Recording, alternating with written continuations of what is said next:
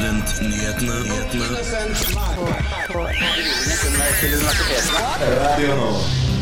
Vi har fått tips om hvordan det å komme tilbake til en mer sosial studiehverdag. Tirsdag 28.9 var det verdens abortdag, og vi har tatt en prat med daglig leder i Fokus kvinner, Gro Lindstad. Og hva må man egentlig studere for å bli astronaut? Og til slutt skal vi snakke med en av Kiwis regionsjefer om matpriser og prissetting i Oslos butikker. Hei og hjertelig velkommen skal du være til Studentnyhetene på en riktig god fredag. Det er sol og ja, nesten, nesten litt varmt. Det er vel egentlig kaldt for tida. Men jeg sitter ikke her alene i dag. Mitt navn er Ingrid Feiring, og med meg har jeg Da Torunn Festøy. Og i dag så har vi flere spennende saker for deg. Men før vi går gjennom disse spennende sakene, så skal vi også ha en ukens nyhetsoppdatering.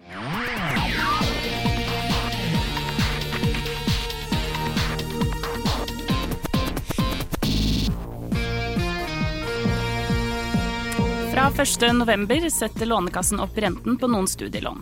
Dette gjelder for de som betaler fast rente med tre års binding.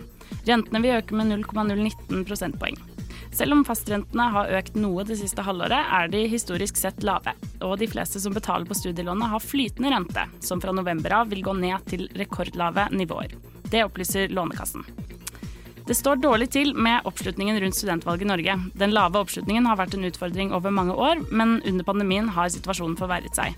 I 2020 hadde Høgskolen i Innlandet lavest oppslutning med 1,9% Universitetet i Stavanger har gjort det bedre under pandemien, og hadde høyest oppslutning i 2020 med 19,5% Det melder Krono. Og Norge har fått ny regjering, og med det en ny regjeringsplattform.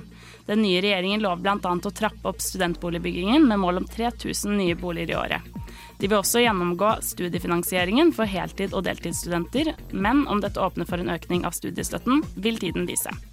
Den nye forsknings- og høyere utdanningsministeren er Senterpartiets Ola Borten Moe. Og det var ukens nyhetsoppdatering, og mitt navn er Torunn Festøy.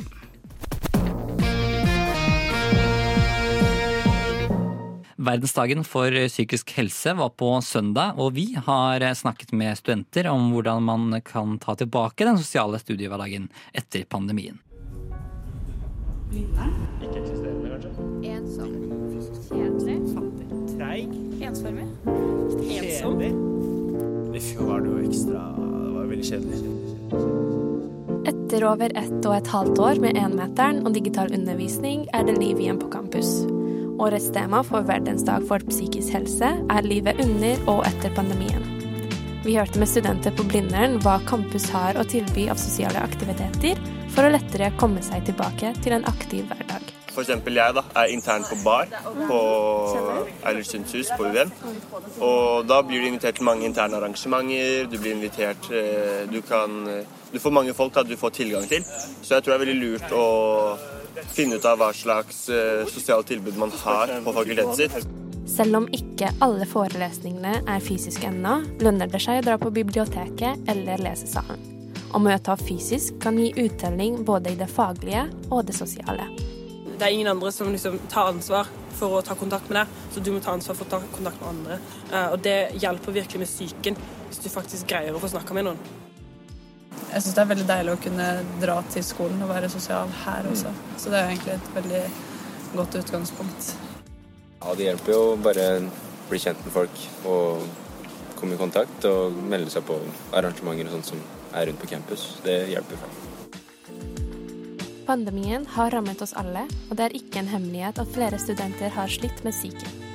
SHoT-undersøkelsen fra i vår fant at flere studenter enn før har hatt eller har alvorlige psykiske plager. Men husk at du ikke er alene. Alle er veldig gira på å bli venner.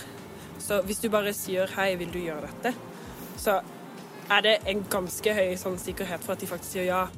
Det er veldig lett å snakke faktisk med hverandre, fordi alle har lyst til å ha noen å snakke med på studiet. Så den frykten kanskje en person har, har den andre også, så det er verdt det å ta den skrittet og prøve å spørre eller snakke. Dørene lukkes.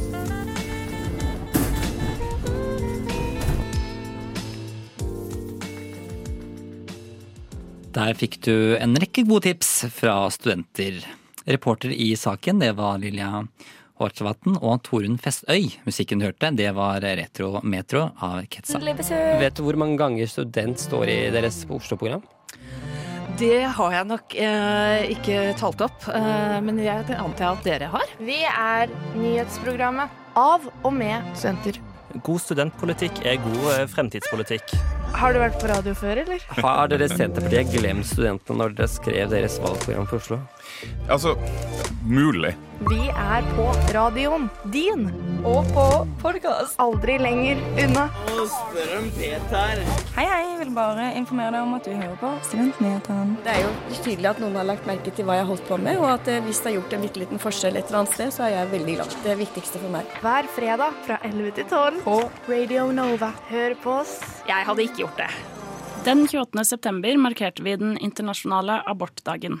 Vi har snakket med Gro Lindstad, leder av Fokus kvinner, om hvorfor det er viktig at en slik dag markeres. Aldri vært til stede noe sted hvor menns rettigheter har vært byttekort, men kvinners rettigheter blir det altfor fort. Tirsdag 28.9 ble den internasjonale dagen for trygg og lovlig abort markert. Vi har tatt en prat med Gro Lindstad, daglig leder i Fokus kvinner.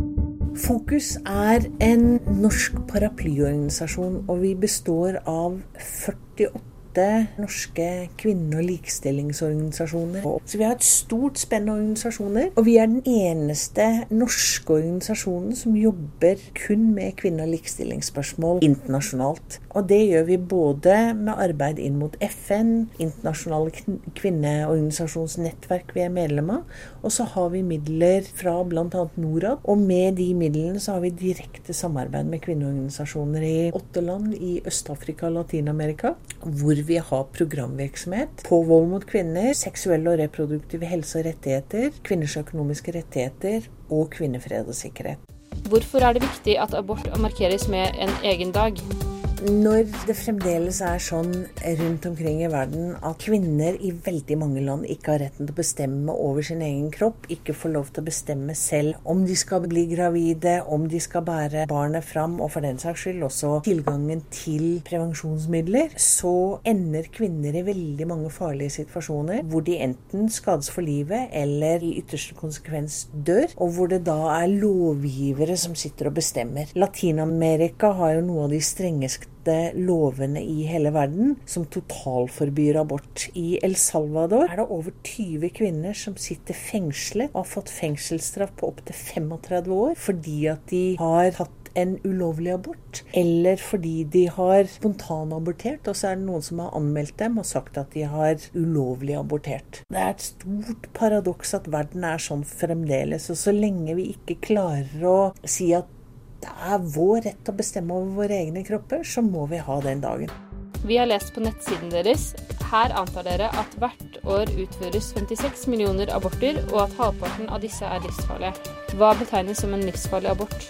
Det er en abort som ikke utføres med kyndig medisinsk personell og i trygge omgivelser, enten på helsestasjon eller sykehus, eller med en riktig medisinsk abort. For nå er det jo sånn altså I Norge så er det jo sånn at de aller fleste abortene de skjer jo ved en pille. Og så får man da den, og får veldig klare beskjeder fra lege om hvordan man skal forholde seg. For veldig mange kvinner rundt omkring i verden så skjer abort på klinikker som ikke har utstyr, med personer som utfører abortene som ikke er kyndige, og som dermed er dødelige eller skadelige for livet. Og mange ganger så er det også på, på unge jenter. Hva er grunnen til at mange velger utrygge og livsfarlige aborter?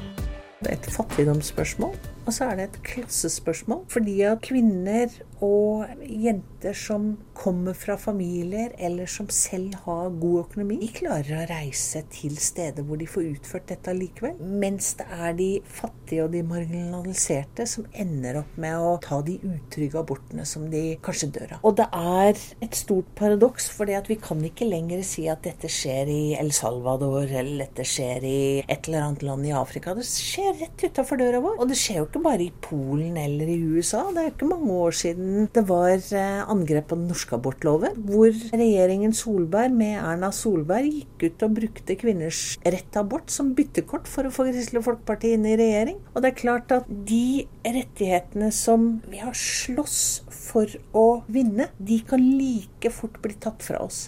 Og det er det de ser i Polen, og det er det de ser også mange steder i USA. Hvor det veldig ofte er menn som sitter og bestemmer over kvinners kropper. Incest og voldtekt kan være grunner til at kvinner ønsker å ta abort. Guvernøren i Texas som sier det at eh, man skal bare tillate abort til sjette uke. Veldig få kvinner vet at de er gravide når du kommer til sjette uke. Også fordi at de da vil totalforbyde også voldtekt og incest begrunnet. Og så sier han ja, men hva gjør du da med kvinner som blir utsatt for voldtekt? Nei, vi skal sørge for å bare eh, eliminere all voldtekt. Det er sånn, ja det er fint. Men hvorfor har du ikke gjort det allerede? Tror du strengere abortlover fører til færre aborter? Land som har trygge abortlover, har færre aborter enn land som har forbud. Og forbud fører ikke til færre aborter, det fører til flere utrygge aborter. Så eh, forbud er eh, ikke veien å gå. Hvordan er abortstatistikken i Norge? Jeg vet at den er nedadgående, eh, fordi at det er god seksualitetsundervisning på skolen. Og så er det trygghet, fordi vi har et godt helsesystem. Hva er grunnen til at mange land strammer inn abortlovene?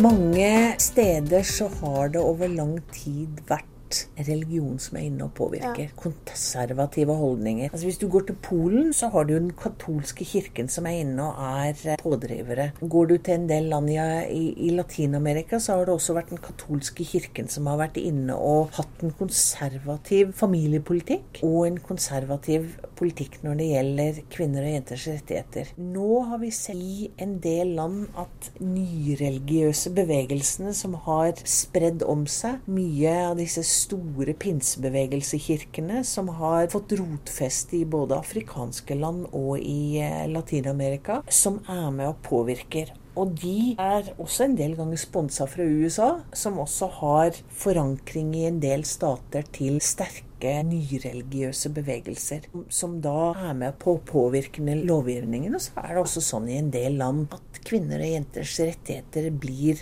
litt sånn i gåstein byttekort for annen politikk. Jeg pleier å bruke Russland som et eksempel, hvor president Putin har i løpet av mange år bidratt til ganske store overgrep knytta til menneskerettighetene, med innskrekninger av rettigheter både på LHBT, polske parlamentet eller Dumaen har vedtatt lovgivning for tre år siden, hvor de har sagt at det skal være lov å slå kvinner, bare man ikke slår så hardt. Man har i Russland også avgrensa sivilt samfunn og organisasjoners muligheter til å være aktive, og dermed så har man kutta ned på kvinneorganisasjonenes mulighet til å være aktive. Og så har man strammet inn på abortrettigheter, for da er kirka med, som er den russiske ortodokse kirken. Og så ser de litt vekk når det begås andre brudd på menneskerettigheter. Takk til daglig leder i Fokus Kvinner, Gro Lindstad. Reporter i saken var Ingrid Brinkmann og Vilma Bergseth. Musikken du hørte, var Night Owl av Broke for Free. Er du en av de som skulle ønske at du kunne dra ut i verdensrommet og bli astronaut? Det er ikke bare bare. Stillingen er få, og kvalifikasjonene er høye. Vi har snakket med Norsk Romsenter for å finne ut hva som kreves, og snakket med én norsk kvinne som har søkt om nettopp å bli Europas astronaut. For mankind. Det er 52 år siden første gang mennesket satte sine bein på månen. Og det er hele 60 år siden første menneske ble sendt ut i verdensrommet og fikk den ærefulle tittelen astronaut. Five, four, three, two, one. Har du noen gang fantasert om å være en av de? Nå skal du få vite hva som trengs for å bli en av de få som får lov til å se jordkloden fra verdensrommet. Det finnes to typer astronauter. Pilotene, som manøvrerer fartøyet, og ferdspesialister som tar seg av lasten, reparasjoner og eksperimenter. Det er ingen tvil om at for å bli astronaut trenger du gode karakterer. I tillegg må du ha minst én master i et naturvitenskapelig emne, være selvstendig og god på å håndtere stressende situasjoner uten å få panikk. Selv med riktig utdannelse er det ikke bare bare å få seg en jobb som astronaut. De utlyses nemlig ikke særlig ofte. Men når en astronautjobb utlyses i Europa, gjøres det av ESA, som er den europeiske romfartsorganisasjonen. I vår utlyste de at de trenger nye astronauter, og da søknadsfristen gikk ut i juni, kunne de meddele at de hadde fått over 23 000 søknader. For å lære mer om prosessen har jeg besøkt noen som har peiling. Ja, Mitt navn er eh, Arvid Bertå Johannessen, og jeg er eh, fagsjef for bemannet romfart og utforskning ved Norsk Romsenter. Romsenteret er jo en, en, en statlig etat, så vi representerer Norge i den europeiske romorganisasjonen ESA. Og vi eh, representerer Norge inn mot de romprogrammene som EU har. Og så er vi statens rådgivere. Og jeg jobber mest med næringslivet og vårt ESA-medlemskap innenfor det programmet som er bemannet romfart og utforskning. Da. Det er ikke ofte ESA utlyser stillinger som astronauter. Forrige gang var i 2008, sier Johannessen. Så dette skjer ikke hver dag. Eh, og da kom det inn eh, ca. i overkant av 8000 søknader til ESA.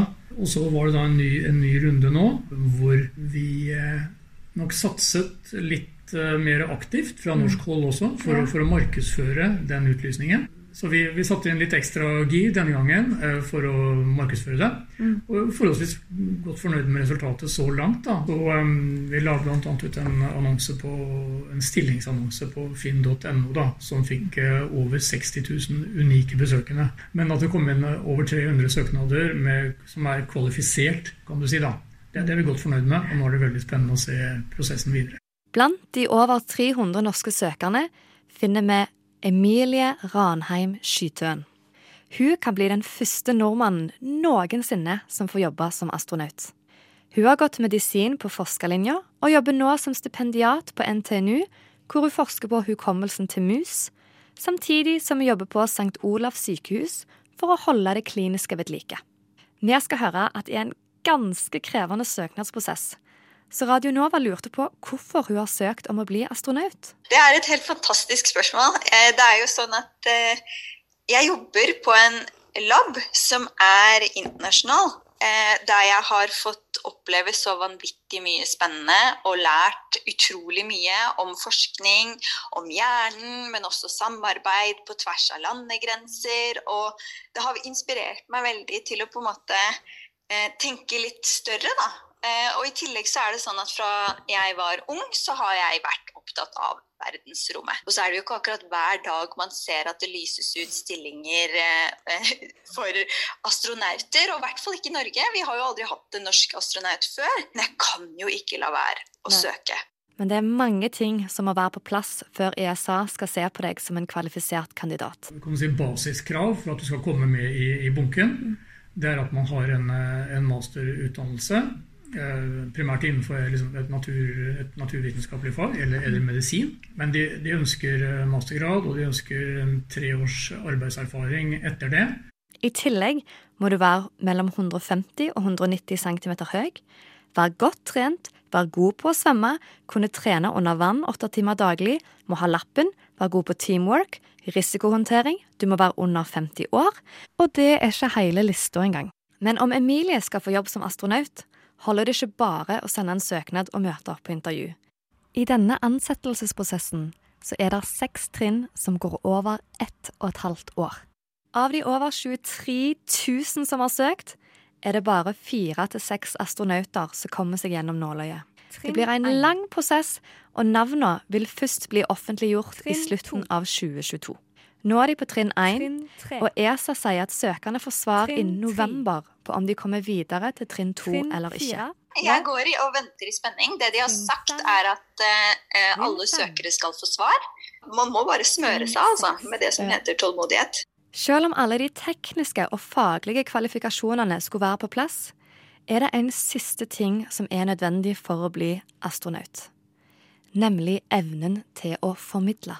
Astronautene er jo, har jo også en veldig aktiv rolle i ESA-systemet som f.eks. For formidlere. da. Så eh, alle de astronautene jeg har vært borti, er jo også utrolig flinke til å formidle historie, til å opptre i media. Her stiller Emilie sterkt. Hvis man skal drive med forskning, og særlig den typen grensesprengende forskning, så må man klare å formidle det man driver med Mm. til folkemassene. Da, fordi det er til nytte for dem også, og de finansierer det i mange tilfeller. Helt til slutt må jeg spørre Johannessen om han har troen på at vi får en nordmann i det europeiske astronautkorpset i det hele tatt. Ja, jeg har troa. Så jeg tror på at vi har veldig mange gode kandidater i, i den bunken. Så blir det spennende å se om Emilie, eller noen andre nordmenn, klarer å bestå alle testene og bli en av Europas nye astronauter. Takk til fagsjef på Norsk Romsenter, Arvid Betå Johannessen, og lege og forsker ved NTNU, Emilie Ranheim Skydøyen, som pratet med vår reporter Tone Olestad. God studentpolitikk er god eh, fremtidspolitikk. Studentnyhetene. Vi er nyhetsprogrammet av og med Senter. Studentenes største utgift etter boligkostnader er mat. Både Kiwi og Rema 1000 skriver artikler om hvordan man kan spise sunt og billig, men hvorfor er det ikke studentrabatt på varene deres?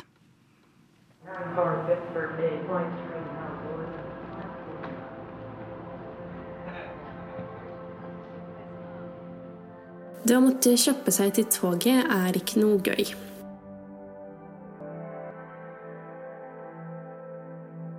Så ikke sant, jeg er nettopp ferdig på skolen eller kommer nettopp fra et treff med venninner, kommer kanskje fra jobb, og i tillegg til å rekke toget må jeg også rekke å handle mat i en butikk. Så jeg kjøper meg innom Kiwi på Byporten på veien mot plattform 11. Kiwi minipris som aldri gir seg på pris. I butikken tar jeg med meg noen typiske ingredienser som kan passe til middag, uten å egentlig ha noen konkret idé om hva jeg vil spise senere den dagen.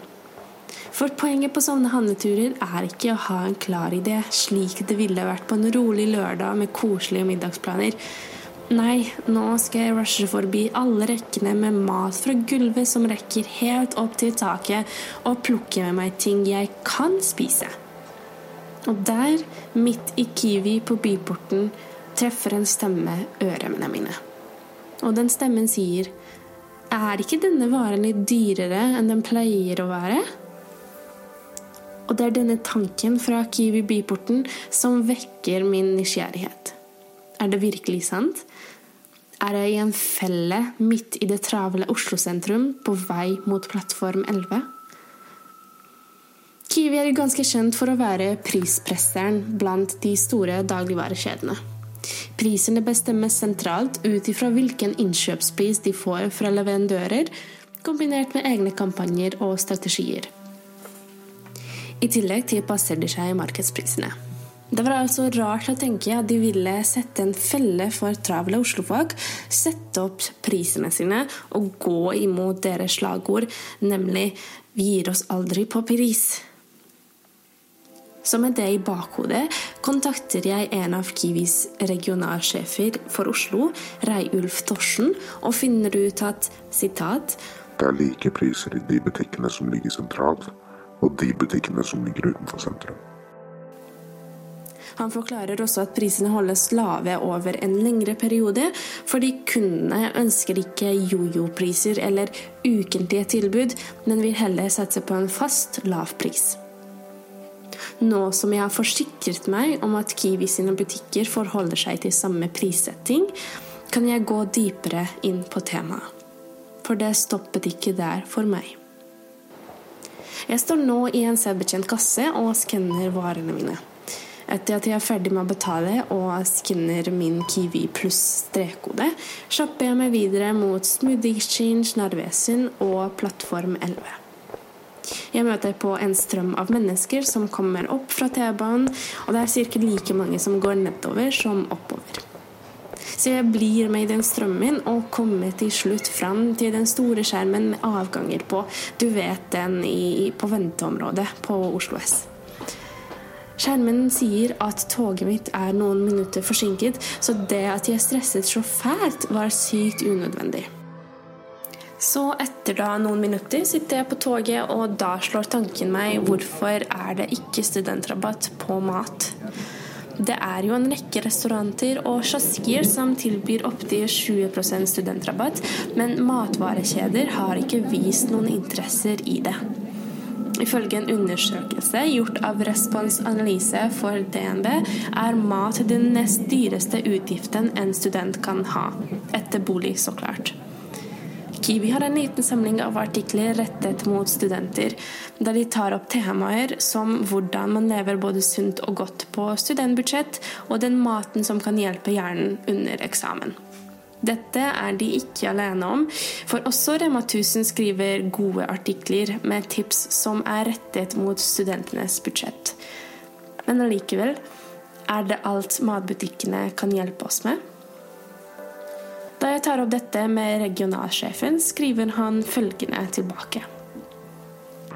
Kiwi Pluss-kundene får hele 15% på all frukt og grønt og all fersk fisk.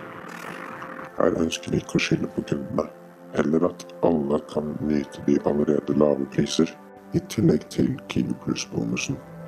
Vi jobber for å ha så faste, lave priser som mulig. Dette er de heller ikke alene om. Medlemsrabatter og medlemspriser er ganske velkjent strategi for å få trofaste kunder. Med andre ord, matvarekjedene vil ikke innføre studentrabatt av to grunner. De vil verken diskriminere eller risikere tap på eventuelle tilleggsrabatter. Togturen min er snart over. Nå er det bare ett stopp igjen, og jeg er i ferd med å plukke opp bagen og handleposen for å gå av. Jeg er ennå ikke helt sikker på hva jeg kommer til å lage av varene jeg kjøpte med meg, men jeg har jo en pizza i, i fryseren. Eh, Det er sikkert godt i dag også. Tusen takk til Reiulf Thorsen for intervjuet, og lykke til alle sammen med matbudsjettering fremover. Eh, Reporter i sanken var Lilla Horvath. Ja, nå eh, For dere som har et vindu og ser ut, så er det at det er nesten strålende sol, og det virker liksom varmt og godt når man ser ut. Det er vel kanskje ikke så varmt akkurat nå. Det er vel kanskje ikke mer enn ti grader. Det er kjølig eh, om tiden, eh, men eh, selv om det er overskyet, del- delvis overskyet og sol akkurat nå, så hvordan blir egentlig været fremover? Det skal vi gi deg svaret på nå, for nå kommer helgens værmelding. Resten av fredagen i Oslo skal bli fin, med sol, sky og 12 grader. Og det været skal holde seg gjennom lørdagen. Eh, søndag blir det litt kaldere, men til gjengjeld får vi strålende sol på formiddagen. Så den helgen er det bare å komme seg ut og nyte det fine høstværet.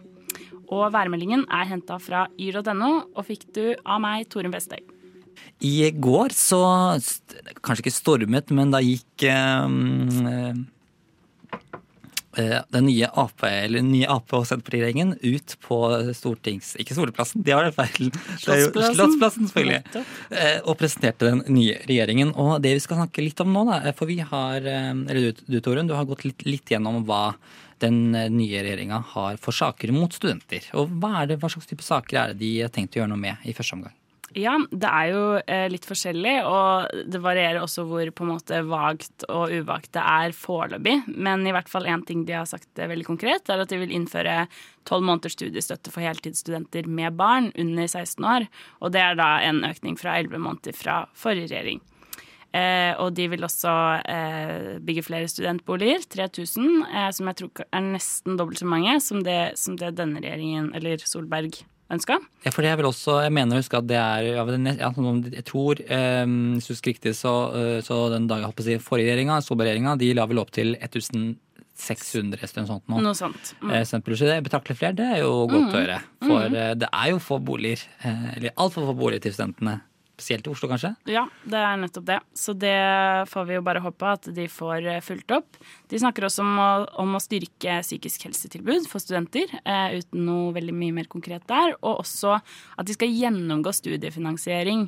Så vi vet jo på en måte ikke om det vil eh, bety en økning i stipend eller lån, men, eh, men de skal i hvert fall se på det.